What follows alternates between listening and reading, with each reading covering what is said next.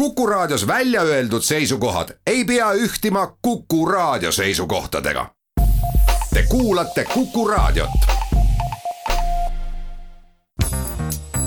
järjejutt.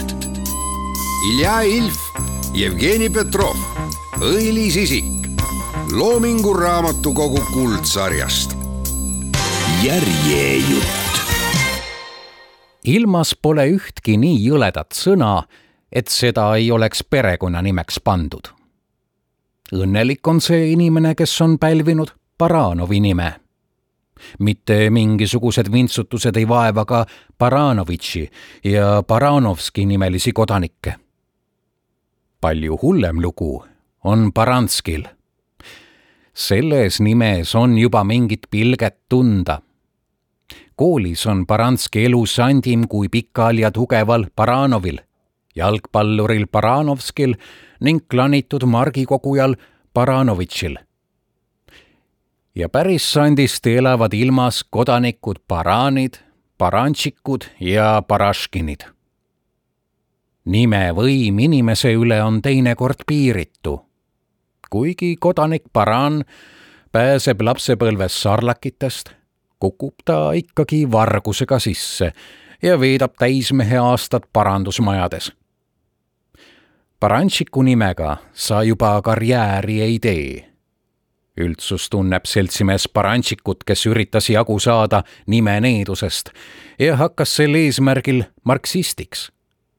Barantšikust sai ballast, mis hiljem raudse luuaga minema pühiti. vennad Barašekid ei mõtlegi riigiteenistusse astuda Nad pühendavad end otsemaid piimakaubandusele ja upuvad kuulsusetult uue majanduspoliitika lainetes.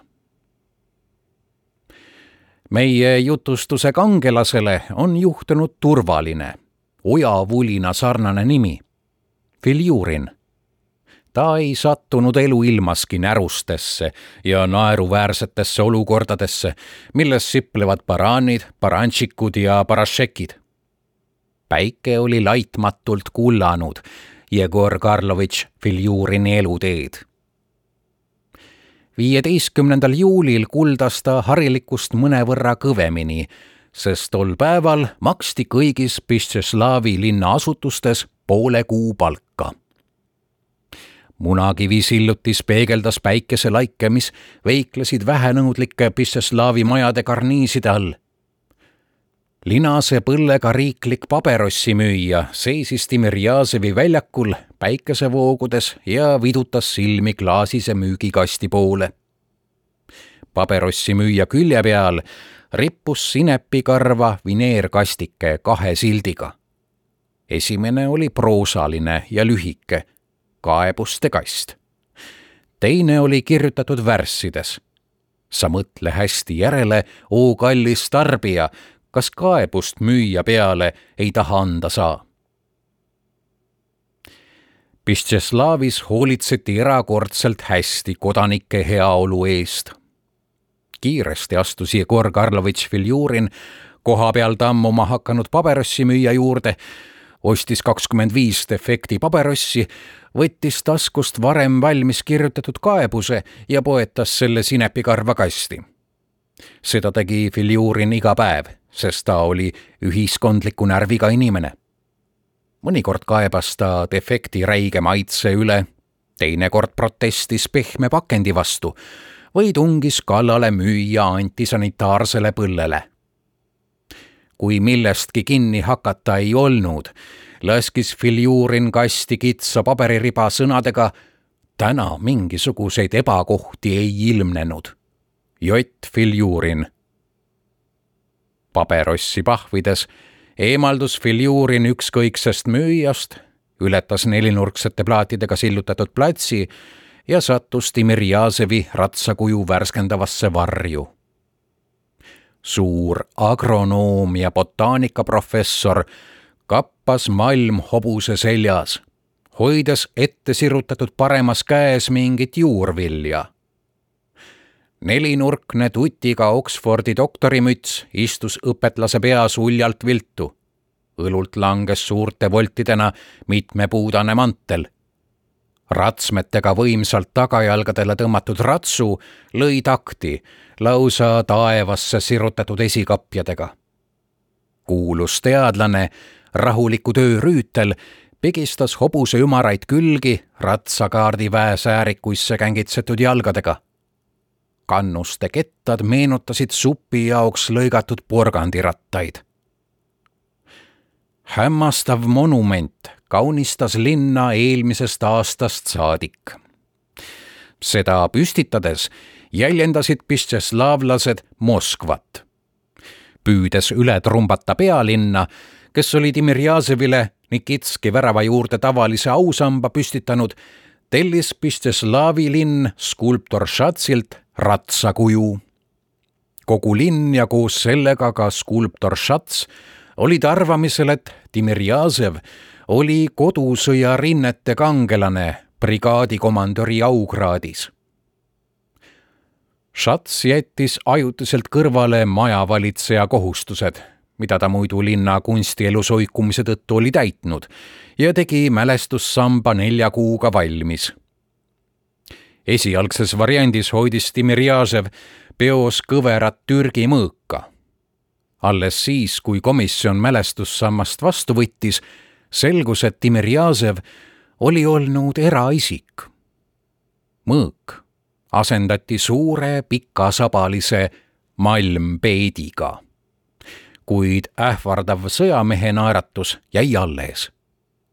selle asendamine tsiviilsema või õpetlaslikuma naeratusega osutus tehniliselt teostamatuks. nõnda kappaski suur agronoom mööda endist kirikuplatsi, puurides kannustega hobuse külgi. Viljurin võttis välja sametlapi, äigas saabastelt tolmu ära ja istus kivisamba jalale puhkama. ta istus liikumatult kümmekond minutit ja jaotas mõttes oma palka. kolmekümne viiest rublast mis Jegor Karlovitš oli praegu poole kuupalgana Pistjeslaavi kommunaalmajanduse valitsuse heakorrastusosakonnast saanud, kisub kuus rubla endale liikmemaksude riisujate sekt. peale selle seisis ees ebameeldiv kõnelus korteriperenaise madam Besljudnajaga. nurga tagant kostev lokulaua kolin katkestas nukrad arvutused Filjurin tõstis sileda näo taeva poole ja jäi kuulatama. kolin kasvas suuremaks. sellega liitusid ragisevad helid ja mürin, mida tekitab kukkuv mööbel. Platsile sõitis kaksiratsi puust jalgratta seljas leidur Papski.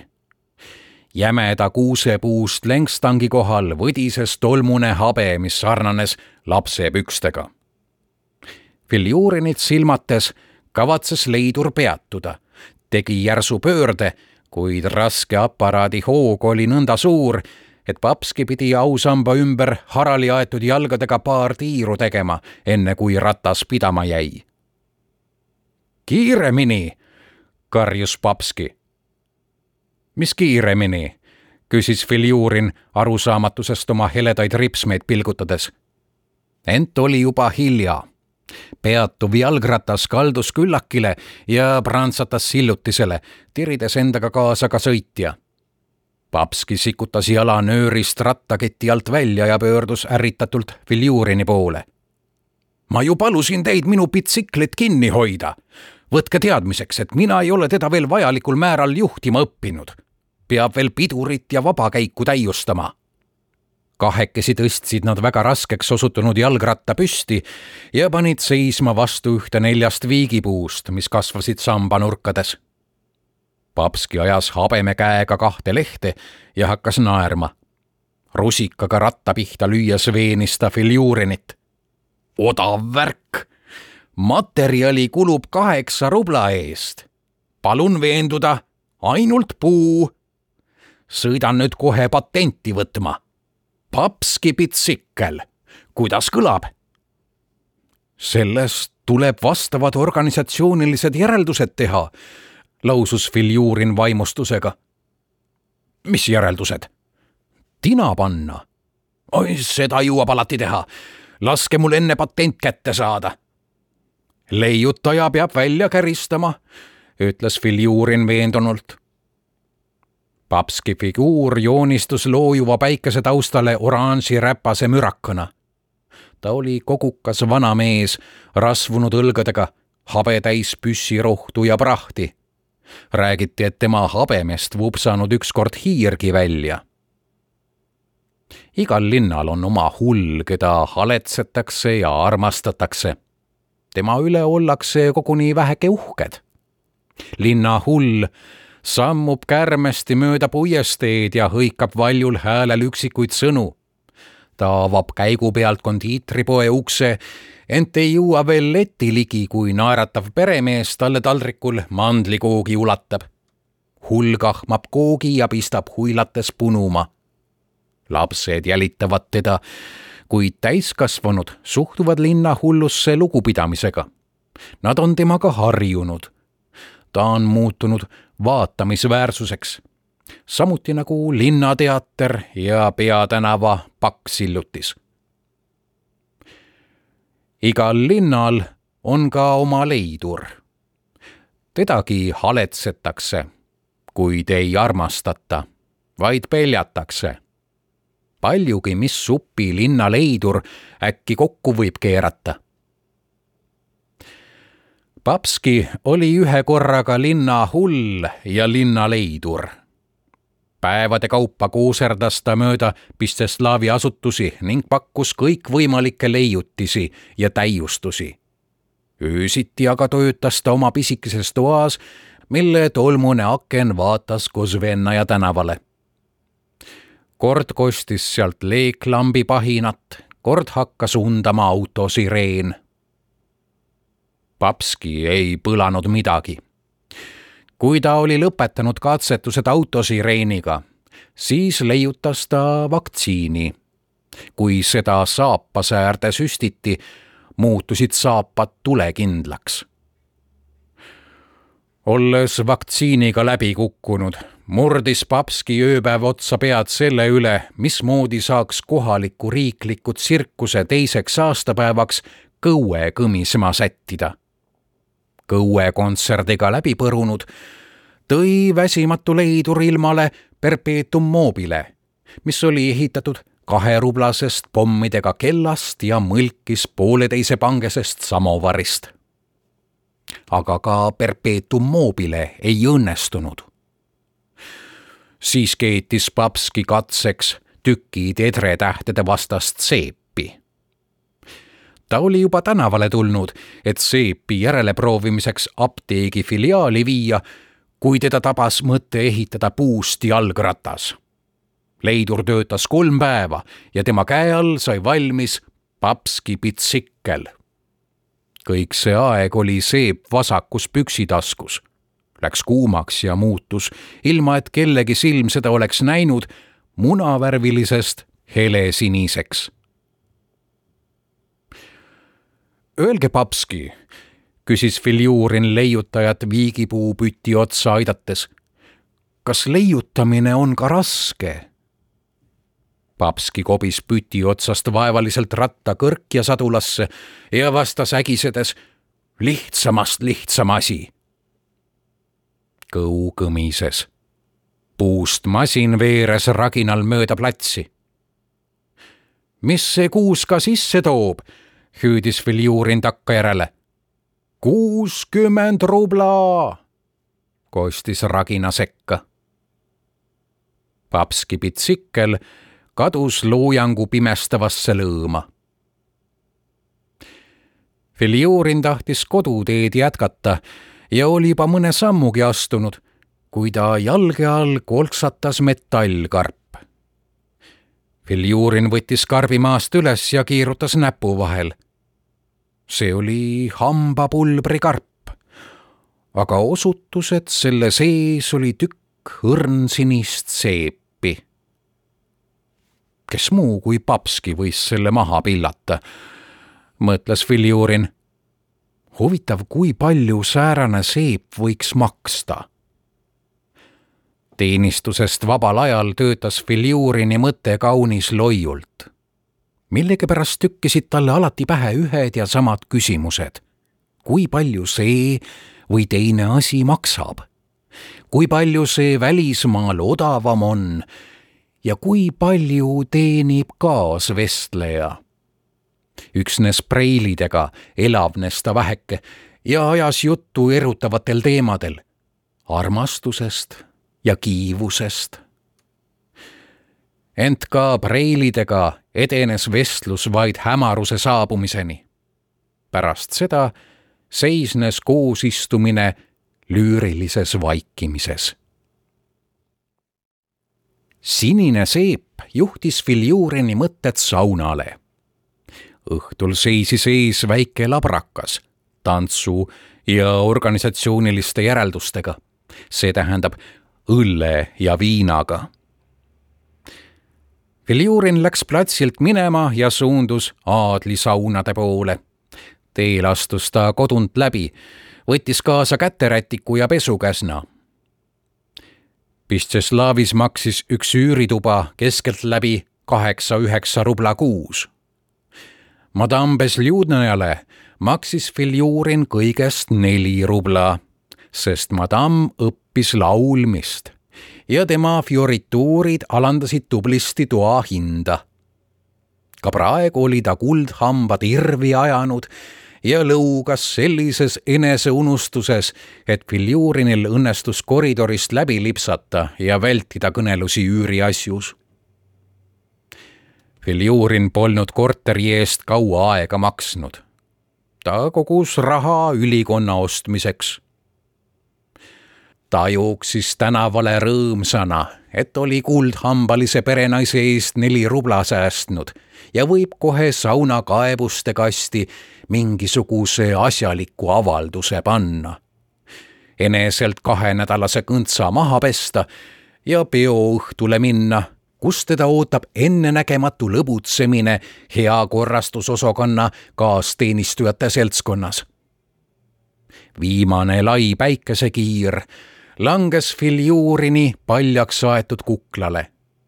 kümned tuhanded pöetud kukalde ja samasuguste puhtaks aetud nägudega hallisilmsed inimesed nagu filjuuringi elavad igapäevast elu, käivad korrapäraselt saunas, maksavad korralikult ametiühingu liikmemaksu ega võta osa koosolekuist, lõbutsevad kohusetruult kaasteenistujate seltskonnas ning on enesele reegliks võtnud üür maksmata jätta. kuid mitte neid ei ole saatus ära valinud. mitte neil ei lase ajalugu suurte ja imeliste tegude tegemiseks esile tõusta.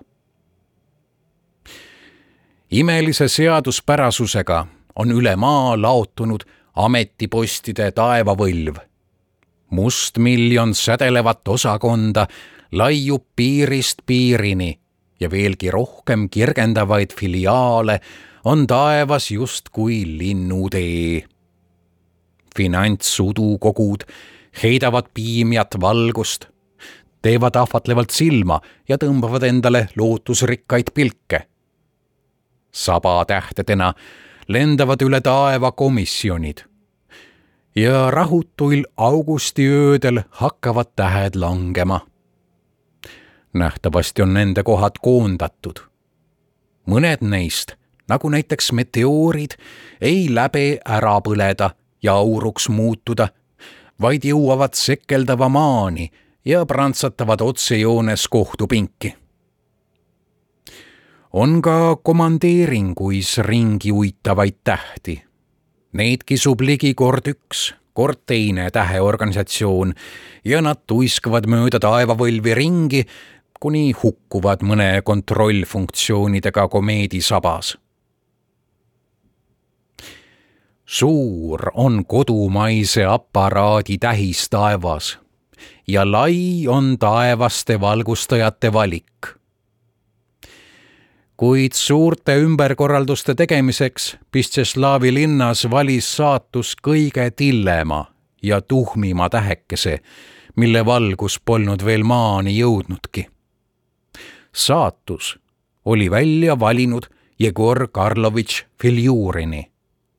eraelus mandoliinimängija ja üürivõlglase, ameti poolest aga Pistjeslavi kommunaalmajanduse valitsuse tagasihoidliku registraatori.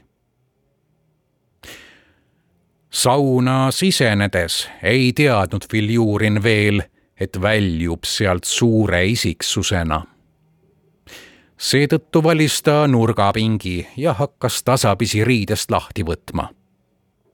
ta laskis Talstovka vöö lahti, võttis eest metallklipsiga kinni sõlmlipsu, seljast suunilise rinnaesisega pikeeriidest särgi ja püksid, mis lõgisesid nagu hobuseriistad Filjurin kandis taskutes hulgaliselt väikesi metalllitreid, mida ta kümnekopikaliste asemel automaatidesse laskis. riidest lahti võtnud, hõõrus Filjurin kaua õlgu ja külgi, jahtus maha ja kiikas põlastusega teisi alasti saunalisi. tuttavaid saunas ei olnud. heitnud käterätti üle õla võttis Filjurin helesinise seebi ja astus pesuruumi. samal ajal oli Papski andnud avalduse patendi saamiseks rutakalt selgitanud kuusepuust bitsikli eeliseid metallist ratta ees Kubermangu rahvamajandusnõukogu sissekäigu ette kogunenud rahva hulgale ning sõitis nüüd kärina ja mürinaga Przewalski hobuse nimelisele prospektile sel hämardumistunnil jalutasid pisteslavlased juba tolmustuhakarva pärnade all. Linna leiduri veidrustega harjunud kodanikud saatsid bitsiklid ükskõiksete pilkudega. platsile keerates sõitis Papski otsa valges vene särgis mehele. kannatanu lõi tuikuma ah see olete teie, seltsimees Ljalin, lausus Papski lepitavalt. Ma tahtsin just täna teie juurde apteegi filiaali sisse astuda. olete jälle midagi leiutanud või? torises seltsimees Ljalin haiget saanud reit masseerides. olen, olen, tedre tähtede vastane seep, Papski tedreliin. otsekohe näitan terve linn kukub ahhetama, võtke teadmiseks. hoidke bitsiklit. Saanud käed vabaks, hakkas leidur tedreliini otsides taskuis kobama. kuid ühestki ülikonna neljateistkümnest taskust ei leidnud ta metallkarpi, milles oli seep. nojah, tooge see mulle homme filiaali ära, lausus Ljalin kärsitult. seal võtame küsimuse arutusele lubage, lubage, kuhu ta siis võis saada? jahmerdas Papski. Lubage ometi, aga kus ma siis olen käinud? vist jätsin kubermangu rahvamajandusnõukogusse. oodake siin, ma tulen kohe tagasi. ja Papski, tõuganud end apteegi filiaali juhatajast eemale, sõitis Persevalski hobuse nimelist prospekti pidi tagasi seni kuni Papski kubermangu rahvamajandusnõukogu kinnisest uksest sisse püüdis saada ning pärast Edreliini kaotusest kurvana linna mööda ringi tuulas ja seda krakipõrinaga täitis, jõudis Filjurin end sisse seebitada. ta valas ennast kuuma veega üle kapast, mida oli kaua oodata tulnud kiskus silmad vidukile ja seebitas end paksult sisse. papski tedreliinist levis rahutuks tegevat tärpentiini lõhna.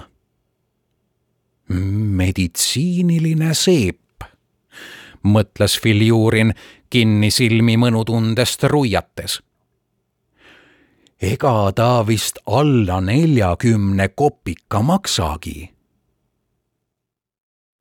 Filjurin tajus, kuidas ta keha kergeks muutus. see oli meeldiv ja peas käis kerge tohuvapohu. peas toimus midagi väga head, midagi viiekümne kopikase ümber maailmareisi taolist. ka näis Filjurinile, et ta kaob, lahustub sauna soojuses. ja imelik asi miilitsainspektor Adamovile, kes sealsamas lähedal ennast pesi ja oli parasjagu pea perekonnaseebiga sisse seebitanud, paistis, et jaoskonna asjade kaudu tuttava Filjurini pea on kadunud ja pesemisega tegeleb üksnes keha. Adamov hakkas vahtu täis silmi kiires korras puhtaks loputama. aga kui ta oli need puhtaks saanud siis polnud nurgas, kus Filjurin oli seisnud, enam mitte kedagi. üksnes udused auruvired väänlesid õhus ja kaldus põrandal veerles raske kibu. militsionäär Adamov oli toimunust sedavõrd rabatud, et tal tuli tahtmine vile võtta ja kojamehi appi kutsuda ent vile oli koos mundriga jäänud sauna eesruumi. pealegi tüürisid alasti inimesed juba vabaks jäänud kapa poole. Adamov kahmas pikemalt mõtlemata esimesena kappa ja andus edasiste saunamõnude nautimisele. Filjurin läks tal otsemaid meelest. samal ajal astus Filjurin ikka veel kinnisilmi kraani juurde kahmas pihku külma vett ja pesi näo puhtaks. see, mida ta nägi või õigemini, mida ta enam ei näinud, aga nägemata jäi tal paljugi, käed, jalad, kõht ja õlad, vapustas teda. hirmuga juuksis ta duši alla. ta tundis, kuidas seep talt sooja vihma all maha valgub, aga keha oli endist viisi kadunud enneolematu ehmatus tõukas Filjurini eesruumi. ta hüppas peegli ette. ta ei näinud ennast, teda ei olnud. ta ei peegeldunud peeglis, kuid ometi seisis ta peegli vastas ja puudutas seda koguni käega. kuid Filjurin ei jõudnud oma meeleheitliku seisukorra üle järele mõelda peegli vaateväljas paistis kaks kahtlast kuju. Need olid esikust sauna eesruumi astunud ja nähes, et siin kedagi ei ole, haarasid lähima riidepambu ning jooksid kähku välja. seis, karjus Filjurin, kuuldes omaenese pükste tuttavat kõlinat. tema hääl oli endise Filjurini hääl raevukalt tormas ta röövleile järele. vargad litsusid Uuslinna hämarate põiktänavate poole. nähtamatu registraator tuiskas kõigest hingest nende kannul. oli juhtunud tume ja kummaline sündmus. kahekümne kuue aastane kadestusväärse tervisega noormees, korralik teenistuja kaotas ühe hoobiga kõik, mis tal kunagi oli olnud. särgi, lipsu ja keha. järele oli jäänud üksnes see, mida Filjurinil siiamaani üldsegi vaja polnud läinud. hing. kuid linn, kes veel mitte midagi kahtlustada ei teadnud, elas tavalist elu öövaikuses kostsid ooperi Carmen avamängu teravad helid. seda mängis veetranspordiklubi Suur Vene orkester seitsmeteistkümnel tomral. nähtamatu registraator hulkus Koidikuni põiktänavais, mis jäid kesklinnast nii kaugele, et neid polnud isegi tuhande üheksasaja kahekümne kaheksandaks aastaks jõutud ümber nimetada vargaid ta kätte ei saanud ja ka garderoobi tagaajamine oli juba mõttetu. jooksnud maha kuus kilomeetrit, taipas Filjurin, et viirastusel ei ole rõivaid tarvis. kuid ees seisis halvem asi. kell üheksa tuli teenistusse ilmuda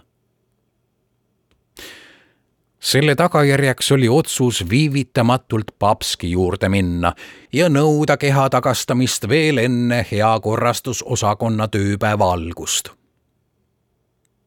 kakskümmend minutit hiljem ärkas papski külma tõttu unest. aken oli lahti. hommikutuul oli toanurka ajanud rõngasse tõmbunud laaste. seltsimees Papski, kuulis leidur häält. seltsimees Papski. Papski hüppas voodist välja ja jooksis akna juurde. tänav oli tühi ja puhas.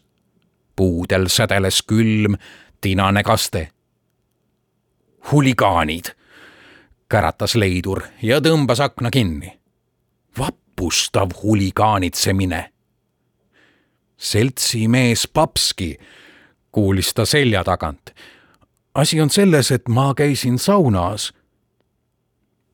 Papski istus täis pritsitud aknalauale ja piidlas imestusega tuba.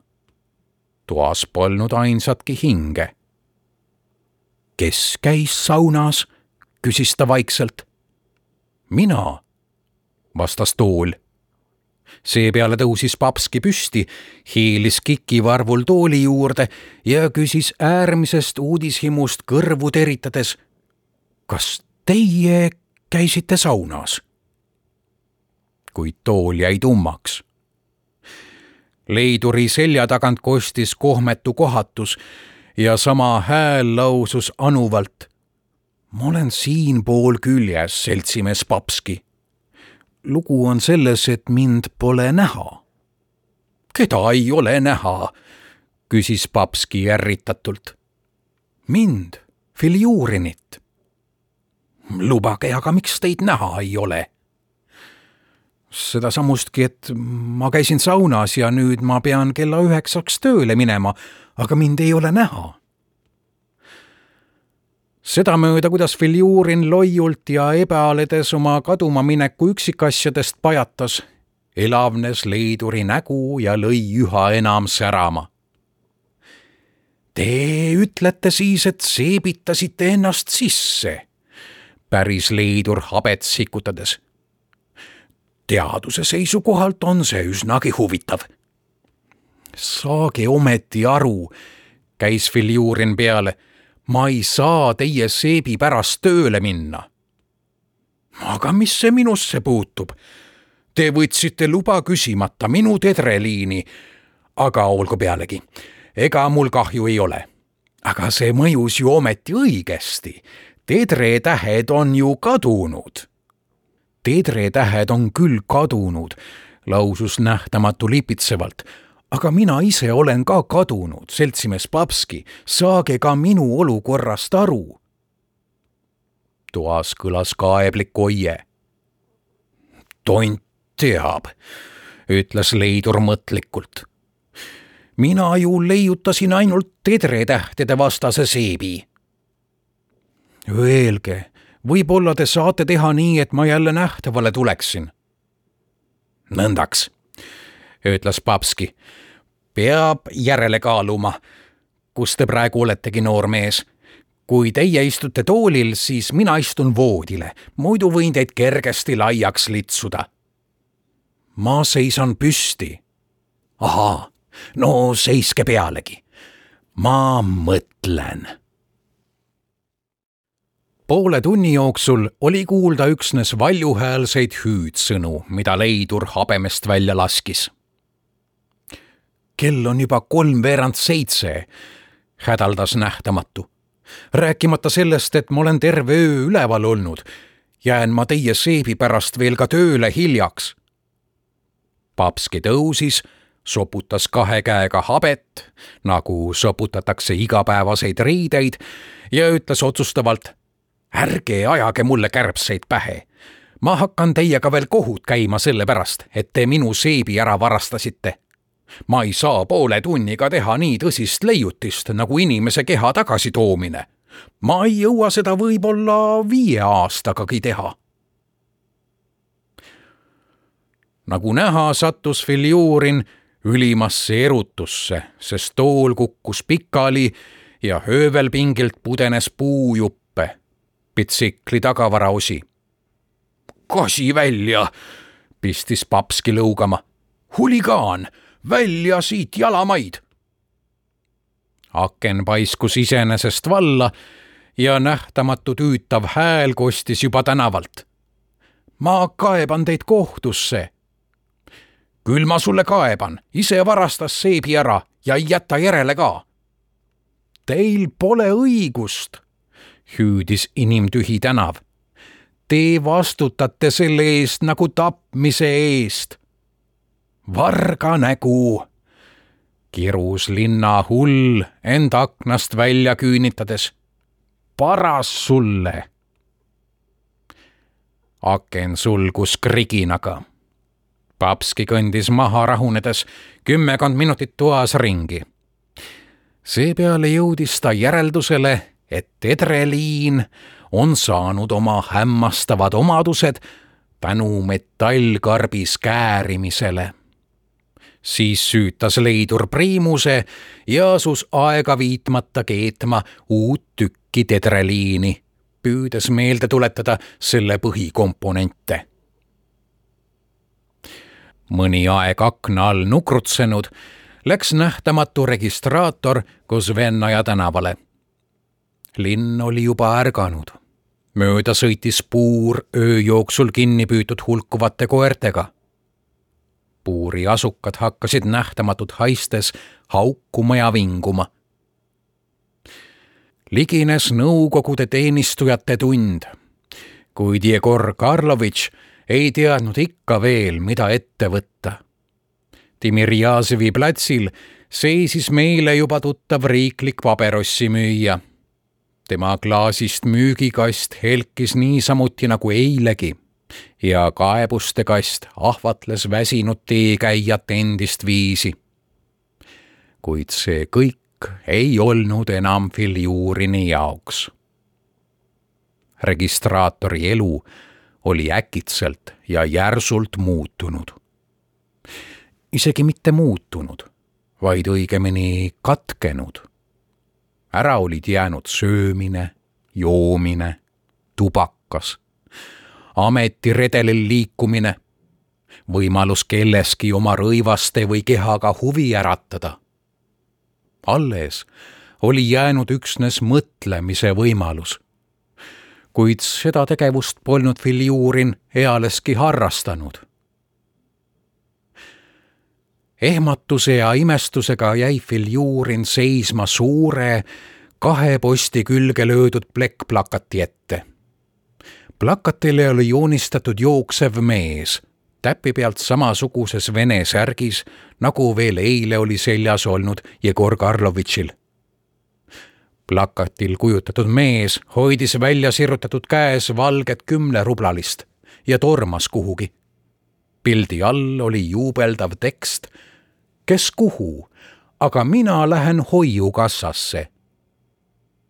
aga kuhu lähen mina? Mõtiskles nähtamatu kibedalt. kuhu mina lähen? täis meeleheidet jooksis Jegor Karlovitš koju. ta astus oma korteri akna juurde ja vaatas sisse. Madame Besljudnaja istus pianiino taga ja langetas käsi raskelt lahvidele.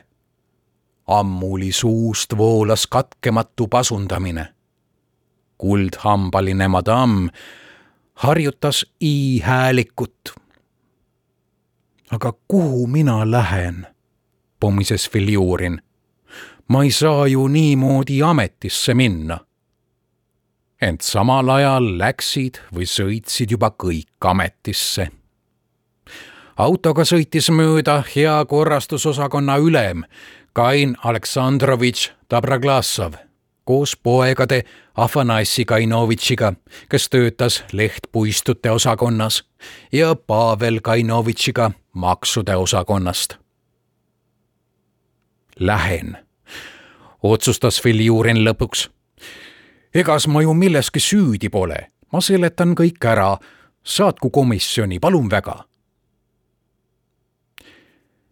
Pistšeslaavi kommunaalmajanduse valitsuse heakorrastusosakond võttis enda alla viis tuba kahekorruselisest villast Tõsjatsnaja tänaval. igas toas oli suur marmorvooderdusega kamin. kuna kaminaid ei köetud, siis hoiti neis puntrasse seotud punnis toimikute pakke. Selleks ajaks, kui Kain Aleksandrovitš temale usaldatud osakonda jõudis, olid kõik töötajad juba kohal ning üksnes kruntide registreerimise jaoskonna laua taga polnud kedagi. Kain Aleksandrovitš heitis lauale kriitilise pilgu, vaatas seejärel kuuekandilist seinakella, võrdles seda oma Moseri kellaga ja ütles, kas Filjurin on haige või mis. Jevsei Vljovitš Joanna Polski kes tegi sissekandeid pearaamatusse ja asus sel momendil ülemusele kõige lähemal, täheldas, et Filjurini haiguse kohta pole nagu mingeid andmeid. ei tea, lausus Kain Aleksandrovitš ilmetult. temaga on neid tükke ennegi olnud. paistab nii, et tahad või ei taha, aga kohalt võtan maha viimased sõnad lausus Tabraglassov erilise mõnuga. seda väljendust oli ta kuulnud tuhande üheksasaja kahekümne kolmandal aastal, kui Pisteslavi külastas täievoliline isik parkide heakorrastuse alal. ja toosama tahad või ei taha, aga kohalt võtan maha, öeldi temale, Kain Aleksandrovitšile ilmsiks tulnud puuduste eest pärast seda hakkas Dabraglasov uskuma, et linna külastanud isik on vägagi tähtis ja võib olla koguni ajalooline persoon. kui äike oli möödas, otsustas Kain Aleksandrovitš külalise linnas viibimise igaveseks ajalukku jäädvustada. trammivagun number kaks, millega külaline linnas ringi oli sõitnud võeti rööbastelt maha ja pandi heakorrastuse muuseumi koos tahvlikesega. selles vagunis sõitis seltsimees Obmišurin tuhande üheksasaja kahekümne kolmanda aasta septembrikuu kahekümne kolmandal päeval Vaksalisse. pärast toda ajaloolist seika ringles Pišeslavi linnas veel vaid kaks trammivagunit sest üldse oli neid olnud kolm. Pistšeslavi elanikud mõtlesid õudusega, et Obmišurin võib veel kord tulla revisjoni tegema. ja siis lõpeb trammiliiklus igaveseks ära.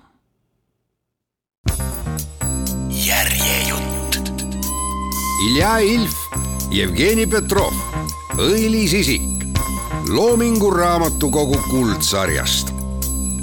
järjejutt